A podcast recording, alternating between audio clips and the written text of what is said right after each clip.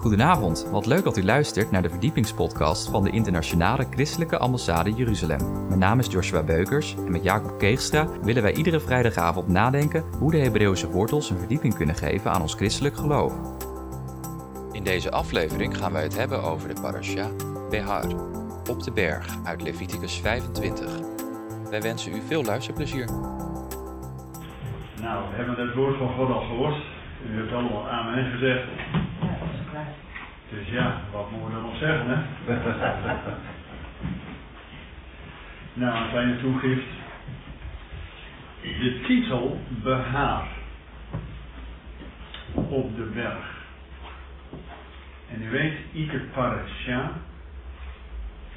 de wekelijkse portie, is genoemd naar het eerste woord wat die Shabbat aan de orde is. Dus dit gedeelte begint ook op de weg. En het is niet alleen bij Mozes dat God iets via Mozes tot ons zegt. Maar later ook Yeshua die met zijn bergreden op de berg iets tot ons zegt. En was blijkt dat er al aan het begin gezegd werd, dat was niet een hoge berg. Want weet u, heidenen hebben tempels. Maar wist u dat God geen tempel heeft? God heeft een huis. En alle afgoden en heidenen die tempels hebben, hebben dat op hoge bergen. Wij dus als mens bij op moeten kijken. Oh, geweldig, daar is het, je ziet zelf niet. Weet u, wij hebben een God die komt naar ons toe.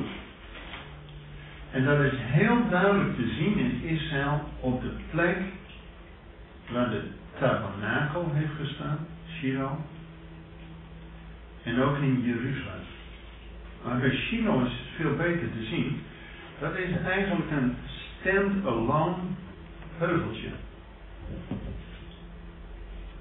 En er zijn hogere heuvels, bergen omheen. Dus toen in de tijd van Josia en daarna, 369 jaar heeft die tabernakel daar gestaan. Dat ze met Pesach en met Sukkot in ieder geval, dan legerden ze zich zeven dagen rondom Shiloh, op die valleien en die bergen eromheen. En dan werd door de priesters, werden dus de dienst bij de tabernakel.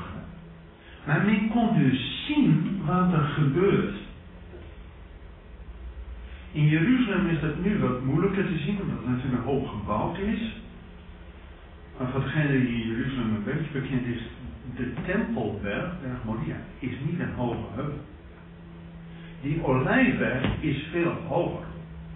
Dus toen Yeshua met zijn discipelen op de Olijfberg zaten, konden ze gewoon zien wat daar gebeurde. Zo is God. Dus het is niet op de berg, oh, oh, oh, oh en dan zie je helemaal niks. God komt naar ons toe. Zo'n God hebben wij. En dan de voorschriften over Shabbat in Sabbatsjaren en jubeljaren. U weet misschien, en dat stond niet helemaal duidelijk in dit gedeelte van de Leviticus, maar over een Sabbatdag wordt specifiek in Exodus en in Deuteronomie gesproken. En twee voorschriften. De eerste is om op te houden met werken. Dat is één ding, dat je rust krijgt van iets. En het tweede is dat je rust krijgt tot iets. Dat je juist je richt op de eeuwige. Dus die Shabbat is niet alleen om vrij te zijn van je werk, maar om je dan juist te richten op Adonai. Dus dat is die tweezijdige opdracht van de Shabbat. Maar ook in het verlengde ervan de Sabbatsjaren. Ik moet zeggen, de laatste jaren, ook in Nederland, wordt het ineens wat gebruikelijker dat we ineens ook een sabbatjaar hebben. Zelfs mensen die niet kerkelijk zijn, die hebben het ook over het sabbatjaar.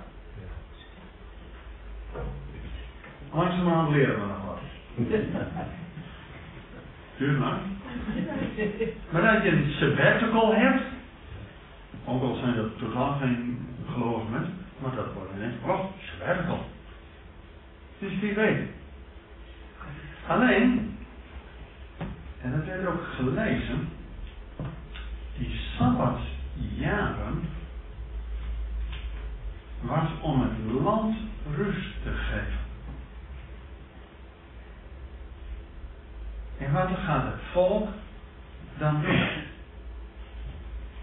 Kijk, wij hebben de lezingen dat de Torah in één jaar wordt gelezen. Weet u dat er twee soorten in deze zijn? Er is een Torah-lezing die in drie jaar tijd alles belangs gaat. En dan lees je ook letterlijk alles. En hoogstwaarschijnlijk, ik kan niet met 100% zeggen, maar hoogstwaarschijnlijk, dat men gewend was, ook in de tijd van Yeshua, dat je drie jaren de driejaarlijkse lezing hebt. Dan weer drie jaar, driejaarlijkse lezing. Zes. U weet, ook de scheppingsdagen zijn zo geformeerd. Hè? Drie dagen en dan de invulling van die drie dagen. En dan de zevende, zevende jaar, dan heb je geen werk op het land, zodat je tijd hebt om de Torah te besturen.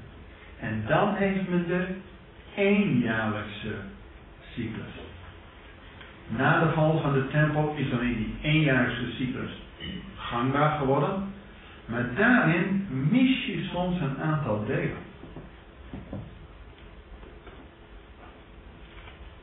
Jezaja 53 wordt nooit gelezen.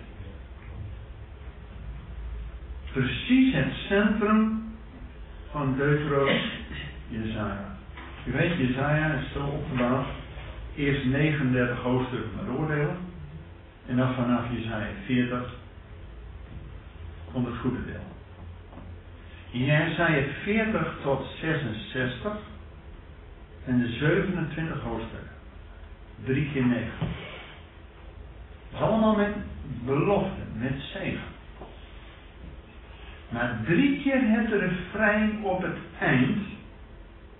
Voor de goddeloze is er geen shalom. Drie keer. En precies in het centrum van 40 tot 66, al die beloften, precies in het centrum, en daar gaat mijn boek over trouwens, maar dat is het Hebreeuws denken. Kijk, in het Nederlands, als je een boek leest, moet je de laatste pagina niet vergeten.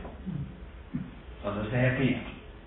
He, hoe de roman ook is, zijn ze allemaal ellende, verlossing en dan dankbare tijd. Hè?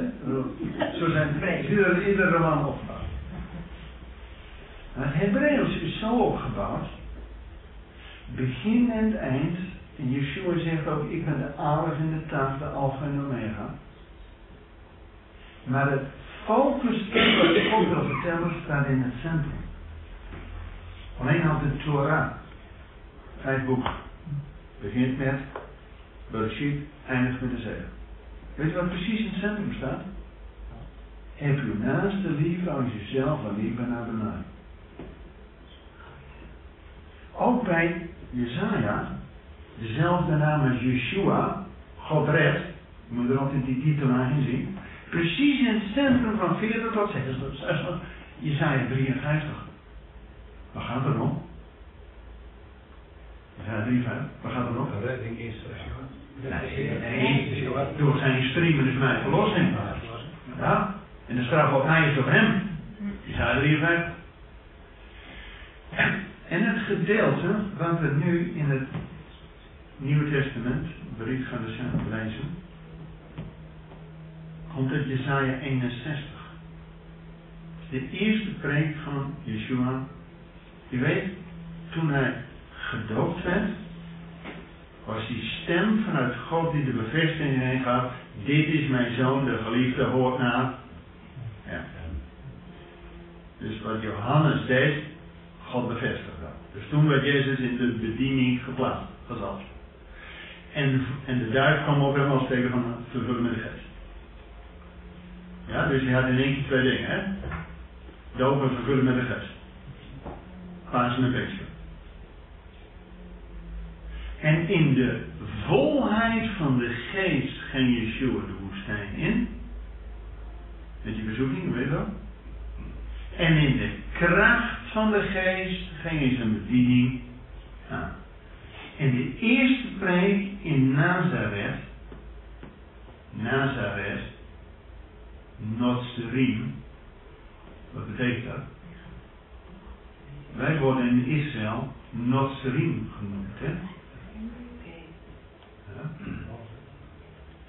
Oké.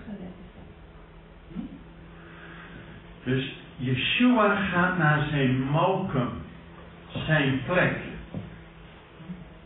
om wat te doen? Jezaja 61 te proclameren. In Jezaja 61, de geest is op mij, omdat hij mij gezalfd heeft om armen de evangelie en om uit te roepen het wel aangename jaar des Heer, dus het jubeljaar. Dus het was een jubeljaar toen Yeshua dat deed. Hou die even vast. En wanneer wordt Jezaja 61 normaal gesproken gelezen?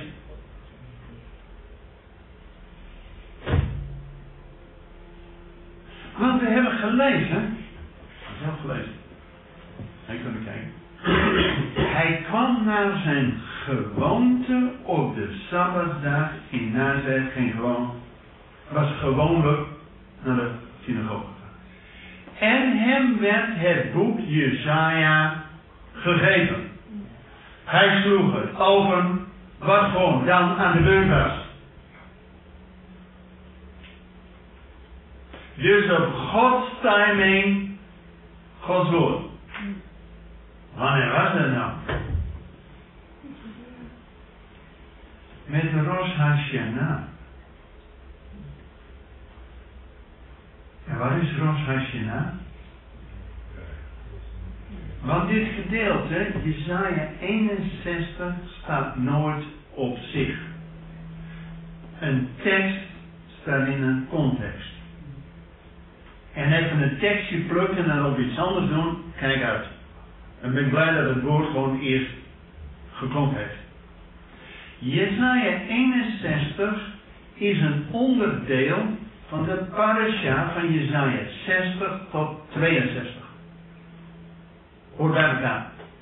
En die worden op twee Shabbatten gelezen. Rond Rosh Hashanah en rond Yom Kippur, de week daarna. Afhankelijk wanneer de Shabbat valt. Dit zijn de Shabbatslezen, niet de leven voor Yom Kippur, maar de Shabbatslezen rond die tijd. En die heet ook, die Shabbat heet de grote Shabbat. En wat wordt hier nou gedaan? Dat is niet zomaar eventjes een tekst, een mooie tekst. Oh, de geest is op mij en oh. En nee, hallo. Jesaja 60 mensen, leest u met mij mee, want dan ziet u het zelf. Het is een van de mooiste teksten uit de Bijbel. Er staat in het Hebreeuws, lees met me mee, Jesaja 60. Even wachten. Wacht even.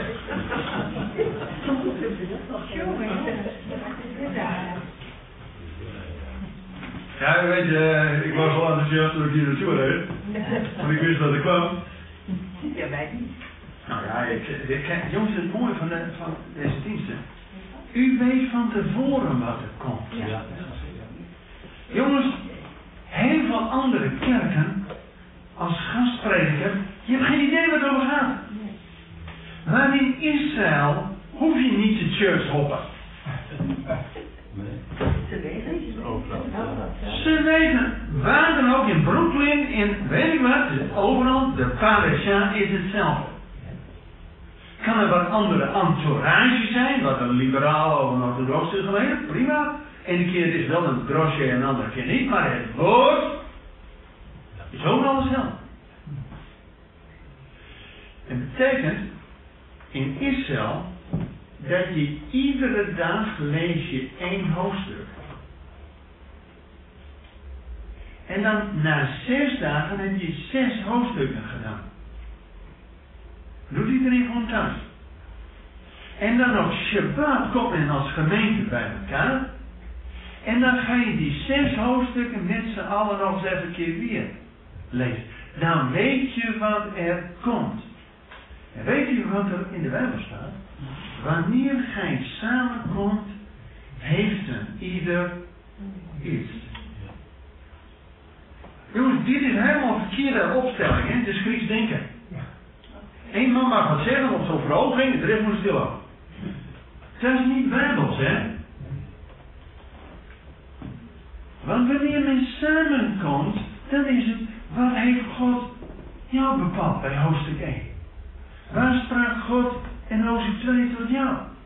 Wat is de bemoediging uit hoofdstuk 3? Dat je samen met alle heiligen kent de breedte en de hoogte de en te kennen de, eens, liefde van de Heer. Nou, tekst uit het Nieuwe Testament, maar slaan helemaal op voor Oké. Wat staat hier nou? Geen, eh, Jezaja 6, dat hebt u inmiddels. Ja, dat is allemaal heel erg. Ja, daar komen we point, hè? Ah, weet je, rustig aan. Er staat Kumi Ori. Sta op, word verliefd, want je liefd komt. En de heerlijkheid des Heren gaat over je op. Oh, meer. Weet je wat dat betekent? Kumi, ik kwam hier langs. Ik kwam dit, deze stad in. En dan kwam ik uitvaartcentrum. Talita Koem. Wat betekent Kumi? Opstanding. Wat betekent Pesach. Wordt verlicht. Lukt alleen met de verlichting door Gods geest. In Shavuot. En de heerlijkheid des Heren, de Shekinah glorie, komt met Sukkot. In weinig van de tempel. Sukkot. Dus in deze ene tekst. In Nederland hebben we wel eens de vraag wanneer Paas en Pinkster samenvallen, hè? Ja. Nou, dan gebeurt dat, hè? Ja. Jongens, hier in één tekst alle drie hoogtijden van God, Moedim van God, waarin God vraagt dat we naderen tot Hem. Komt hier bij elkaar. Dit is een focuspunt. En wat staat er in dat gedeelte centraal precies? Dit is het begin. Wat er staat in het centrum, dat is van Jesaja 60 tot 62, wat staat in het centrum? Jesaja 61. En wat, dat we het niet uit eigen kracht doen, maar dat Gods geest, Ja. zelfs Yeshua deed niets. Nee. Zo. Hebben we zelf gelezen, hè? Nederigheid, dat was het eerste woord. Zelfs Yeshua deed. Jongens, wie had recht om te Zelfs tegen de, de, de tegenstander, hè? Zegt Yeshua niet, hé, hey, eh, hé, hey, doe het allemaal wat. Hallo. Nee, nee, nee, nee, nee, nee, nee. Yeshua had de houding van, hij deed niets tenzij hij zijn vader zag doen. Yeshua moest ook afgestemd zijn wanneer de geest over hem kwam. Hij mocht pas spreken wanneer hij dertig was. Wanneer werd Yeshua dertig? Wanneer is hij geboren? Niet met kerst. Ik zeg maar even. Voor sommigen is dat een schok. Niet over te vrezen. Daarin kwam Yeshua onder ons tabernakelen. Weet je wel, die tabernakel, die stond er en we konden allemaal rondom zien wat er gebeurt. Zo komt Yeshua onder ons tabernakel. Maar hij moest wachten dat 30 jaar later hij gedood en vervuld werd met Gods geest. En dan komt hij pas tot zijn gemeente in Nazareth, moslim. Spreken over wat God aan het doen is. God geeft de timing van het jubeljaar. Wat is het jubeljaar? We hebben gelezen dat het Sabbatsjaar was eenmaal in het zeven jaar. Dat het land zijn rust moest krijgen. We hebben ook de Haftara gelezen van Jeremia. Die moest een akker kopen. Net ervoor stond dat hij in gevangenschap zat. Hallo. Waarom moest Israël naar Babel? De Galdeën. Nee. Omdat zij de Sabbatsjaren niet in acht hadden genomen. En God waakt over zijn eigen land.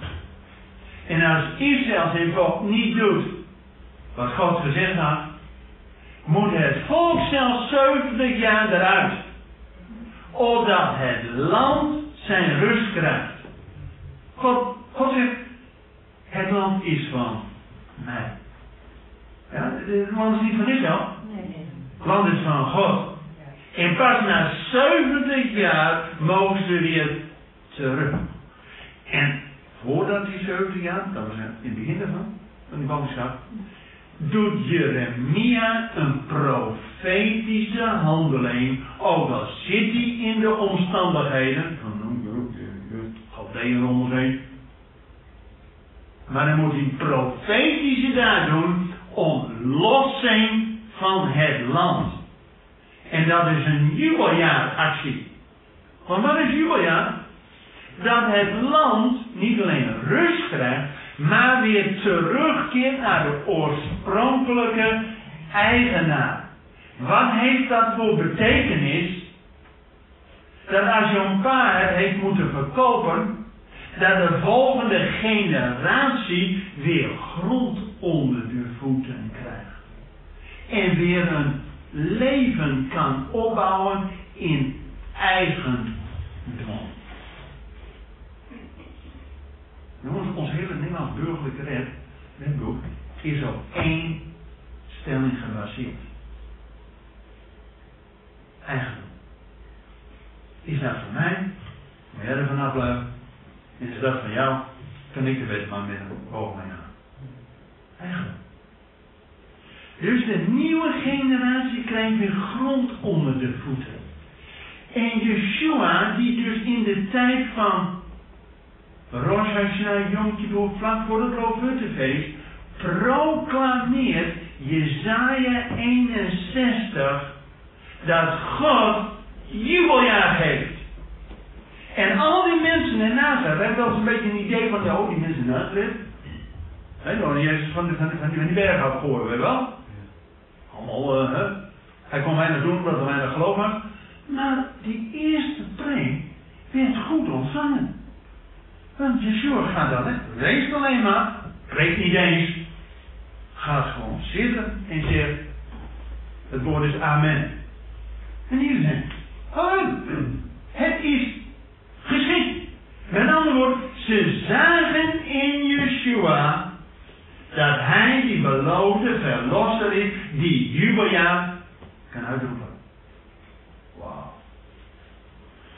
Alleen dat jubeljaar, dat zien we, kijk, je kunt heel makkelijk als gemeente zeggen, nou, Sabbatjaar, jubeljaar, ja, dat is iets uit, het, uit, uit het Oude Testament, is oud in, uh, wat heb ik gedaan?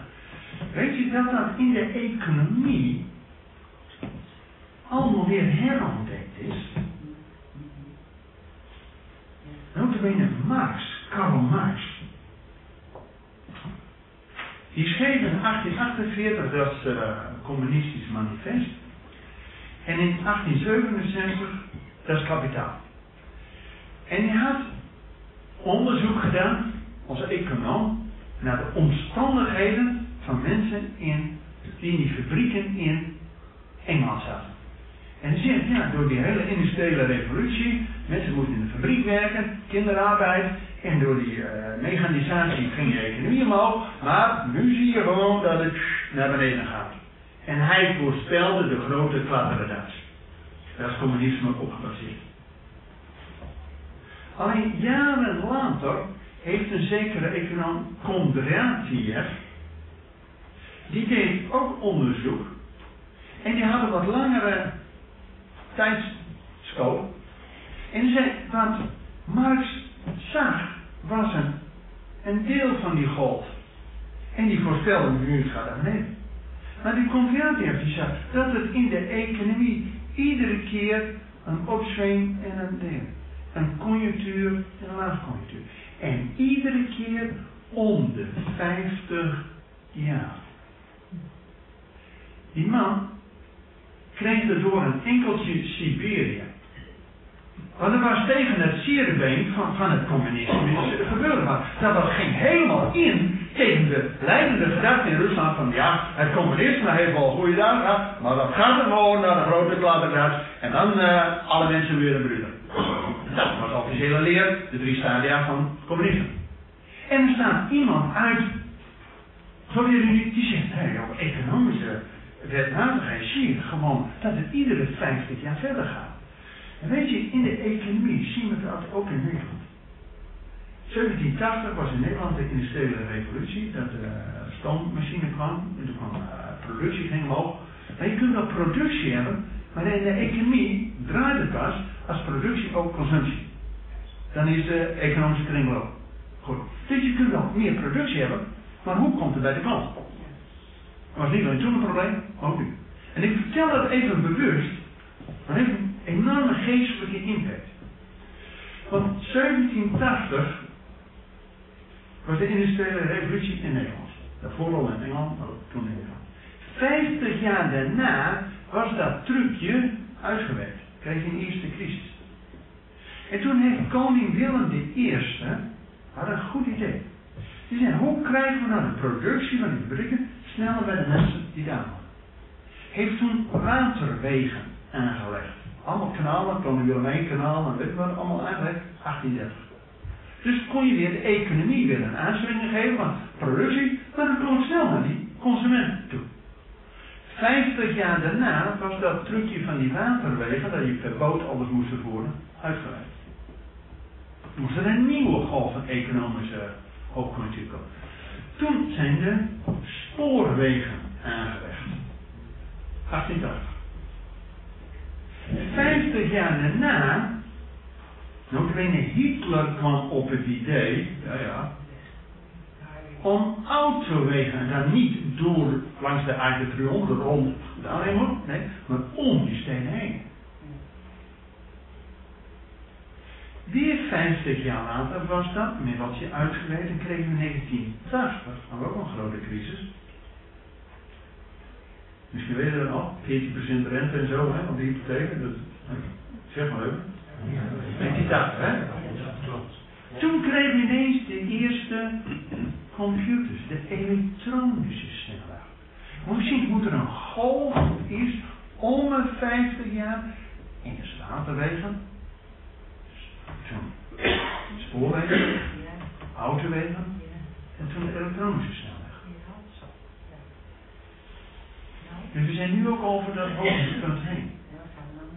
Nou gaat dat maar we zien ook, wacht even, wacht even. We zien ook in het geestelijke, in Jeruzalem, dat God iets aan het bouwen is. En iedere keer om de 50 jaar. In 1867 heeft toenmalig koningin Victoria, toen de rijkste en machtigste vrouw ter wereld, hè, England rules the waves, hè? dat was toen. Hè? Dat ging, in dat rijk van Engeland ging toen de zon niet onder. Hè?